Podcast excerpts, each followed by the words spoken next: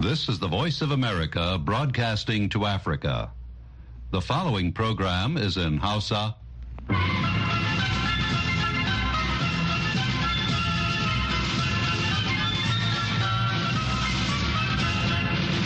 Sashen Hausa na murya Amurka ke magana daga nan birnin Washington DC.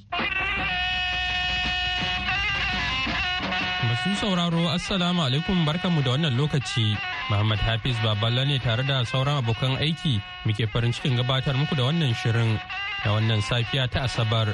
Bayan labaran duniya za mu kawo muku shirin a bari ya huce, amma kafin nan sai a gyara zama a saurari labarin duniya. Assalamu alaikum masu saurare ga labaran mai karantawa Ibrahim Ka'almasi Garba. An daɗa samun kiraye-kiraye a matakin ƙasa da ƙasa zuwa jiya jama'a na ayi bincike yayin da har yanzu aka kasa gane gaskiyar lamari kwana guda bayan kashe wasu Falasɗinawa akalla ɗari da goma sha biyu baya ga wasu ɗaruruwa kuma da suka jikkata. a wani al'amari mai cike da rudami mai nasaba da sojojin isra'ila da mutane masu neman agaji a arewacin gaza sakatare janar na majalisar ɗinkin duniya antonio guterres ya ce akwai buƙatar gudanar da abin da ya kira ingantaccen bincike mai zaman kansa na ƙwarai don a san abubuwan da suka yi sanadi da kuma waɗanda ke da hannu a wannan mummunan al'amari. Wani mai magana da yawun fadar shugaban amurka ta white house ma ya ce wannan al'amari na buƙatar cikakken bincike. Wasu falasina wanda suka shaidi al'amarin sun zargi sojojin isra'ila da buɗe wuta kan cincirin da mutane masu jiran karɓar kayan agaji daga wata tawagar motoci da ke dosar inda suke. To amma isra'ila ta musanta wannan bayanan tana mai cewa turiniya aka yi har aka daddanne wasu sannan kuma wata motar jigilar kayan agajin ta take wasu yayin da take ƙoƙarin tserewa daga wurin. A halin da ake ciki kuma shugaban amurka joe biden ya karɓi bakuncin firaministar italiya georgia meloni a fadar white house jiya jama'a a daidai lokacin da yake fuskantar ƙalubale kan yadda zai bullo ma yaƙin da ke dada muni a gaza da kuma ci gaba da taimaka ma ukraine kan mamayar da rasha ta mata. Za mu tattauna kan gabar ta tsakiya da kuma mummunan al'amarin nan da ya auku a arewacin gaza don ganin yadda za a kai tallafin jin kai a wurin. A cewar biden ga manema labarai gabanin ganawarsa da meloni. Fada ya barke jiya juma'a tsakanin sojojin gwamnatin habasha da mayaƙan fano a bahir dar headkwatar yankin amhara a cewar mazauna wurin da kuma hukumar yankin. Wannan ne karan farko da aka samu barkewar irin wannan tashin hankali tun bayan barkewar rikicin yankin a farkon shekarar bara. A wani bayani hukumar yankin na amhara ta ce dama an shirya cewa sojoji da sauran jami'an tsaro za su yi wani aiki ne tare da ya hada da bin gida-gida a bahir dar din suna zakulo mayaka masu tsatsauran ra'ayi da suka kutsa cikin birnin. To karfa a sha'afa ana shan labaran ne daga sashen hausa na muryar amurka a nan birnin washington dc a najeriya tun bayan cikar wa'adin haɗe layukan salula da lambar shaidar zama ɗan ƙasa a ranar laraba jama'a da dama suka shiga rudu saboda rashin samun damar bin wannan umarnin. Duk kuwa da jaddadawa da hukumomin ƙasar suka yi ta yi. To sai dai masu lura da al'umura na ganin a marra irin wannan. Kamata ya yi a daɗa yi ma jama'a uzuri. Daga abuja ga halima abdulra'uf. Masana dai sun ce akwai yiwuwar matakin na hukumar sadarwa ta Najeriya wato NCC ya kai ga rufe kimanin layukan sadarwa sama da miliyan sha ɗaya biyu bayan karewar wa'adin ranar 28 ga watan Fabrairu da ya gabata na hada lambar shaidar zama ɗan ƙasa wato nin da lambobin wayoyin tarho. Tun dai wasu 'yan Najeriya ke ta kokawa akan yadda matakin ya jawo musu asara mai tarin yawa. Wani mazaunin jihar Osun da ke yammacin Najeriya Abdulgani Abdulrahman ya ce. An an dina. ya samu cikin asara.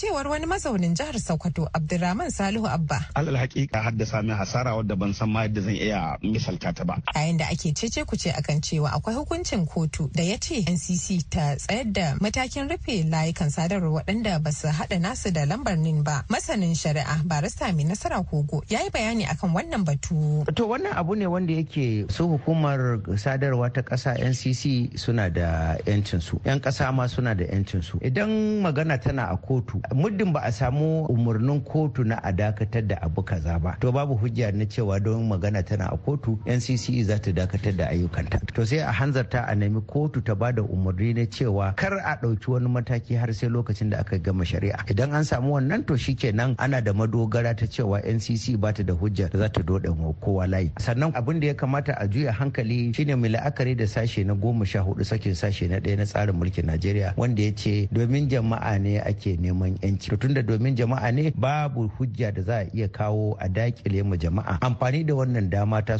to a gaida halima Shugaban Ukraine Volodymyr Zelensky jiya jama'a ya yi shelar cewa da shi da Firaministan Netherlands Mark Rutte sun rattaba hannu kan wata yarjejeniyar tsaro wadda ta tanaji baiwa Ukraine tallafin kayan yaƙi na dala biliyan biyu da ɗigo biyu a wannan shekarar. Zelensky ya zayyana cikakken bayanin wannan shirin a shafukansa na kafafen sada zumunta. bayan ganawar shugabannin biyu a kharkiv wanda shine birni na biyu a girma a ƙasar ta ukraine kuma wanda rasha ta fai aunawa a hare-hare labaran duniya aka saurara daga nan sashen hausa na muryar amurka a birnin washington dc yanzu kuma sai a gyara zama domin jin shirinmu na gaba.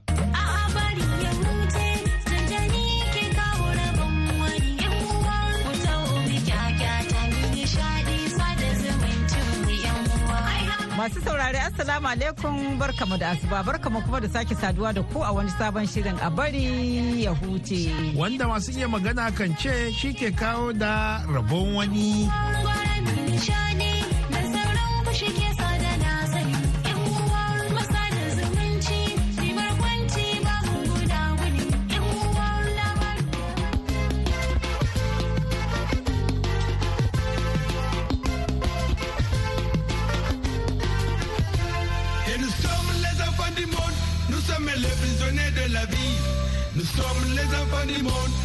Sommes l'espoir de demain.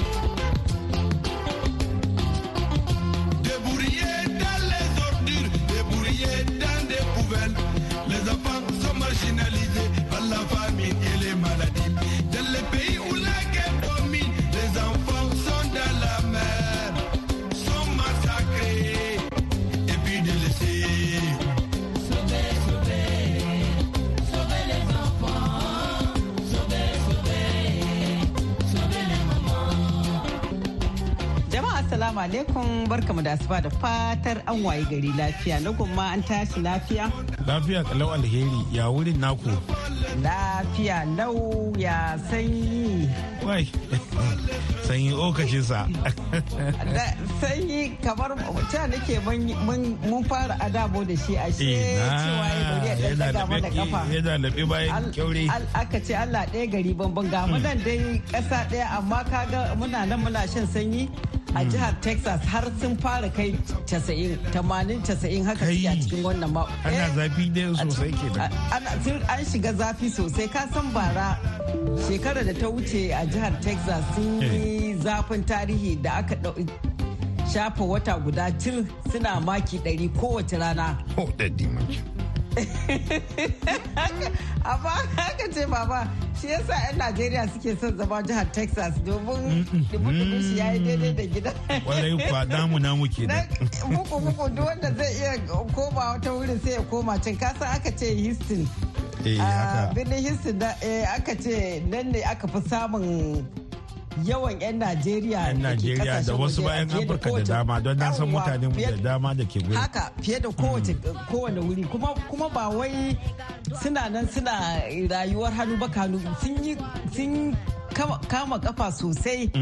Ko waɗanda suke 'yan kasuwa sun yi nisa sosai waɗanda suke fannonin ƙwararru. Likitoci ne wata take gaya min wata baka fata ta ce a nan ita 'yar asalin jihar Houston ce take cewa a cikin Houston bisa dai ga bayaninta idan ka samu likita guda uku bakaken fata to ɗaya ɗan Najeriya ne a nan birnin Houston. Akwai kuma wani ma da yake da wani katamfaran shagon sai da kayayyakin kayan abinci na Afirka nan. Akwai shekarar da ya ba da gudunmuwar kudan ɗaukan nauyin 'yan makaranta da ake kira scholarship ɗin nan dala dubu dari wai wai a nan eh a nan a nan lalle wannan babba ne. Eh to kaga ashe ba ba ba da wasa ba.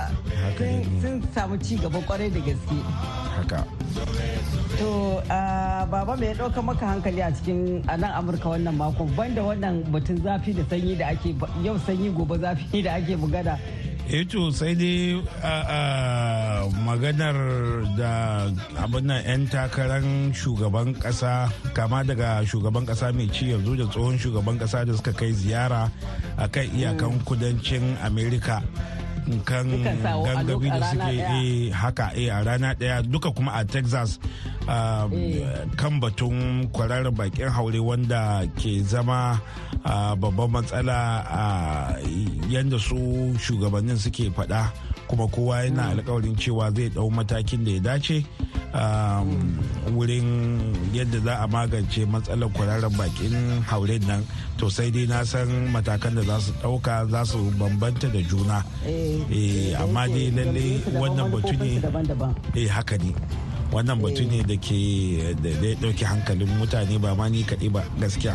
To mun samu ilimi baba. Hmm. aka ce tafiya eh, eh, menene? Eh tafiya mabudin ilimi. Ƙarin ilimi. To sai a ci gaba da kasan muna da wani shiri ma da muka gabatar eh, na rediyo da kuma dandalin sada zumunta facebook inda muke bayyana waɗansu bayanai irin haka waɗanda al'amura da sukan faru dai eh, eh, daban-daban a ƙasashen duniya da suka sha bamban da abin da muka saba gani a ƙasashen mu. Sai a ci gaba da bibiyan wannan shirin.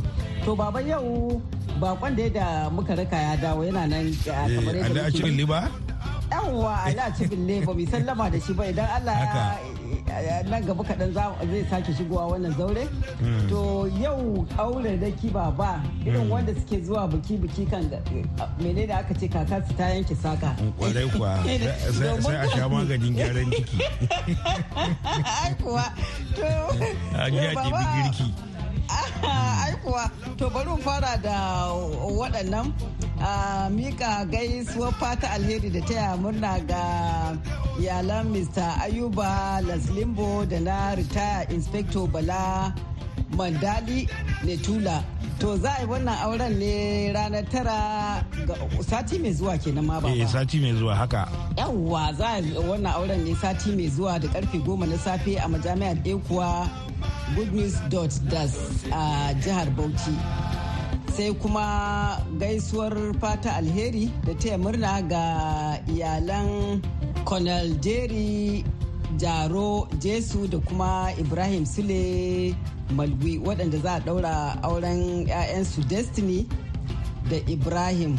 Su kuma wannan auren za a yi ne su kuma mako na gaba wato 16 ga watan maris da ƙarfe 10 na safe su kuma za a yi auren su ne a ekuwa holshe a kuma yi walima a sarau aka ce wani wurin walima na da ake kira sarau hmm. event center a refil jos kota ta yamma da bauchi. To allah ya ba da zaman lafiya da albarkar zaman tare. Amin summa amin. To don kuma ina ɗauke da gaisuwar taimu na zuwa ga iyalan alhaji usman shehu abba da na alhaji muhammad sani kanya na ɗaurin aure 'ya'yansu abdulrazak usman da kuma amaryarsa zainab muhammad kanya wanda aka ɗaura a jiya juma'a kenan. To muna fata allah ba da zaman lafiya da zara'a ɗaya ba.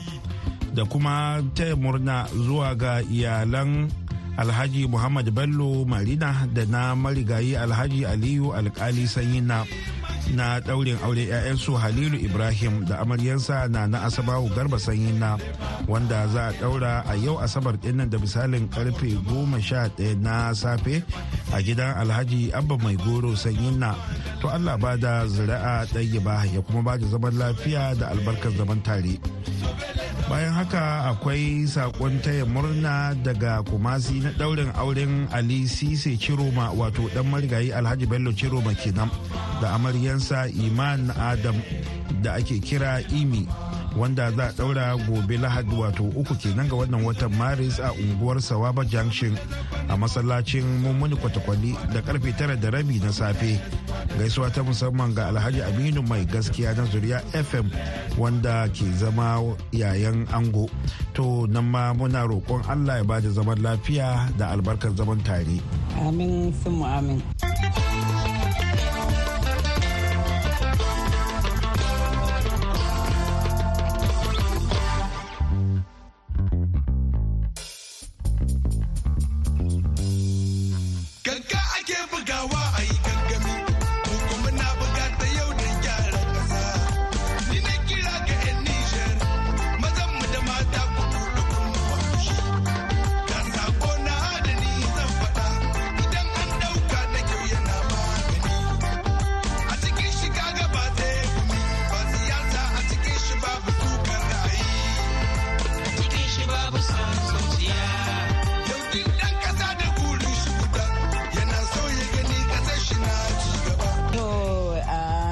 A gurguje kuma bari mu nufi zangon gaishe-gaishe. Ban yi bangan ai ban yi an yi tuya an mance aka ce an yi tuya an mance da albasa. Mako da ya gabata ban yi ban gaida mai masaukin baki ba eh, eh, uwar gidanmu gwamma. Muna ai ban gaida mai masaukin baki ba. Muna kara godewa gwamma da karanti mm. dan mu ya dawo mun ga ya sake ƙwarai da gaske. Kuma gode da dukkan eh, eh, menene ake cewa eh, alherai. Da Allah ya ba da ladan zumunci. Allah ya kara buɗi da rufin asiri. Muna godiya ƙwarai da gaske. Muna kuma kara gode muna kara mika gaiso fata alheri da sada zumunci ga hajiya mai fura aljanna da kowane lokaci Eh, tana nan tare da sashen hausa. Hmm. ba ta so ta ji mun yi biki sai ta ba da gudunmuwa. Muna godiya. Muna shan fura muna jin daɗi. Hmm. To bari mu mika gaiso fata alheri da sada zumunci ga Ibrahim Hussein Idris da Doris Mamar Idi da Comfort eh, Umaru sai Ladi Benyami da Hajiya Zainab Bununu. Da Zainab Ahmed a Abuja sai Abdulkarimu Ɗayyabu da abdulrahman kace sai abdulrazak bello da aboki dalhatu. Gaisuwar fata alheri da sada zumunci da ambasado hassan muhammad hassan da alhaji muhammad anka sai ashiru abubakar da barista sa'ida bugaje da dr mai roman dara gaisuwar fata alheri ga comrade awwal musa rafsanjani da baiko suleiman da barista mai nasara umar da barista yakubu salibawa da fatar an tashi lafiya. Amin summa amin. Tun sai kuma wannan gaisuwar a bari huce ta fito daga hamidu kalalabuwa babbar barin jihar gifa ya ce fili a bari ya huce. babbar bare ne? Suriki na ne ya ce da farko yana mika gaisuwa zuwa ga uwa alheri grace abdu. Da kuma baba ya kuma keri sai kuma abokanansa ya ce baban jiban bange da sanusi madatai da isu madatai da kuma musa boss gaya da sulebin mani barma a ƙarshe ya ce a gaida al'ummar garinmu kalalabuwa baki ɗaya to allah ya sa sun tashi lafiya kuma sun ji wannan gaisuwar. Abin sun amin. Ok to daga ma aka ce komi kirki ka baka gama kasuwa da gaisuwa sabili da haka za mu ja birki nan. Wato eh, kamar yadda muka ce bakon da muka raka ya dawo ga aliyu a cibili su jumba salu kalami da sauransu sai muke gurbin nan. To muna nan muna nan muna nan. Ita ba gurbin to da ke ba yan gari ba ne yawanci duk baki ne kwa shi mai kada gitar din shi ma kuma garin su shi ma guda ta maka da gurbin ya tawaye sannan na dawo kuma ni kuma na shiga shagaraya ta murya. Da muryan ka kuma kuma? da da mura da ga sada magana. Sada magana. Eh shike nan muna nan muna nan muna taya tana taya tana taya abubuwan da yake dai eh ga su dai kamar su. Ni Allah mun abu kamar mutum ne mai ikira ana ikira waƙa. To cikin gurbin ki jagara su kuma ana yin kokoyo to na jini mu ikira waƙa ta aka yi training aka yi training an zo wasa ba yi waƙoƙin na. Sai a yi kuma wanda aka koya. Sai na ga ta yi tamu na zo da su kwa to ni ina so ne in gwada basira ta kuma in huɗu ta eh hala tun da shi wanda wanda muke koya shi ma kirkiro wayi dan mi juni ba a yi ba ta wannan kirkiro to daga nan na dan jaye da su sai na koma cikin shakaya ta murya. To daga nan kuma ciki mai ba wata biyar ga sai muka ta yi zagaye muka ta yi mai a nan a nan yi muka shekara guda da wata shida ta da ta murya abu tambayo wanda mutum da firma yau ba zan tabbata da shi ba tunda ya mun abubuwa da yawa. Na da shi na koya da kyau kwa to da muka dawo daga murya daga mai sai muka yi bakin iyaka ya musha daga nan musha sai na yi sai na sai gurbi ta ne ma daga can ma zumunta. Kai ma ka hada gurbi har gurbi ta ne ma azumi tun na dan koyi abubuwa tun ina zuwa lokacin nan da nake murya ma ina zuwa wurin sana busa ina karuwa da tun da ba zan manta ba wakadan fara rubuta ba. Wanda ke ce masu aliyu zamfan wani konkur da aka yi a shekara alif ɗari tara da gwamnatin takwas shekara alif ɗari tara da tasa'in da takwas aka wani konkur na na mawaka na harshen faransanci. Dukkanin waƙa waƙa da ne ta fari sani gyara mita kuma da tana fari an kuɗi tana busa hallo shekara mai dawo hallo aka yi kogunin hallo sake yin kogun ta waƙa ta wani hallo na ci. To shekara biyu ne ina cin kogunin to tun sani ya shi ma na koyi abubuwa da shi to na kuma na kuma kuma mai muka zama na muka dawo bakin yaka ne gurbita sai na ta Najeriya a Najeriya ne wata tara. Yawo da muka ta kawo kaga mu ba inda ba inda mu shiga cikin Najeriya nan kuwa arewa arewa nan. Muna wajen wajen kuɗi kuwa. Mu ne Abuja Makarfi Zaria Kaduna Kwana Dangora Jos duka mana cewa gurin kwa to ina can sai na samu labarin ke a kosu a yau da yaran suke sana busa sun sun yi na sani abu eh suka fita su kuma a dangana su kuma dangana. Su ma suke gurin su ni kuma dan dawo ga na ga birma sani mutum ne wanda ya kama mini tun farkona ya kamata in zo kama mishi ma. To kuma da mutane na gaba ɗaya muka shiga cikin gurin gaba ɗaya to kin haske? Haske super haske mu kamar super haske. To mun da nan tare sani ana ta yi ana ta yi kuma shi mahalla ya mishi rasuwa. Da shi jagorancin gurbin kuma ana nan su ma hallo yau da gobe kuma muka rabu. Yanzu muka kuma gurbin ta mai daga cewa haske ta yau dai muna da wani kan shekara goma sha huɗu ya ga ta sha biyar za ta dai insha Allah muke da to kamar waƙoƙin da kake wani irin waƙoƙi ne kake? Waƙoƙin soyayya ne? A'a waƙoƙin siyasa ne ko kuma nanaye ne kake ko kuma wasu irin waƙoƙi ne waƙoƙi naka? gaskiya gaskiya waƙoƙi na da nake yi ina waƙoƙi iri saboda mun san iri fasu ina da masoya kala kala wani ya sai rage wani ya san tashiya wani ya san dandali wani din ne din ne fasu ne amma waƙoƙi na yawanci abin da yi a cikin waƙa shine sako da faɗakarwa da koyarwa da nasiya da waye kai. Duka ke ɗauki wani da ta kuna gwani a ciki. Babu waƙa da ke ɗauka ta banda ko ma na yi ta ne haka ne bai kai wani nasiya a cikin ta ko wani jan hankali ko wani jan kunne ko wani gargaɗi a cikin ta ko wani wa'azi. Amma kuma duka sa wani abu a cikin wakal wanda zai yi hankalin jama'a shine kamar komedi kaɗan a cikin waƙoƙi na ina sa komedi kaɗan dan mutane su dariya ya nishaɗi. kuma a saurari a da ke ciki. To ni kowace wani ina yi ba da nau'i yawa da ake da kowane da su rege ne wasu wasu wasa wasa. Ne ba ne da dai a ida din ce wannan kawai ɗaya shine ake cima patchwork patchwork ne kawai ko ne a gama ne ke ɗari ba to kamar waƙoƙin naka da kake kamar a biki ana gayyatar ka haka ko kuma 'yan siyasa suna gayyata ka ko kuma haka 'yan furoji wani bi suna son waye kai na gani kamar wani lokaci ana gayyata ka ko? sosai magana kowane na yi biki a siyasa harkar proje harkar anniversary harkar wani makaranta duka ina yi ko ne na yi. Saboda shi yaƙin da kake ara ma nema da kake.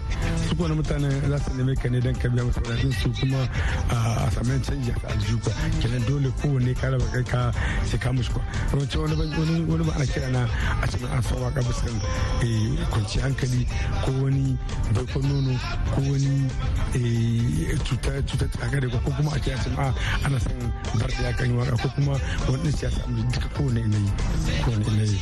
Tana za ka iya riƙe kamar irin waƙoƙin da kai? To gaskiya wani ne ni dai wallahi ba iya kono ne suna da yawa. Suna da yawa. Suna da yawa. Ce bakan damiyar ka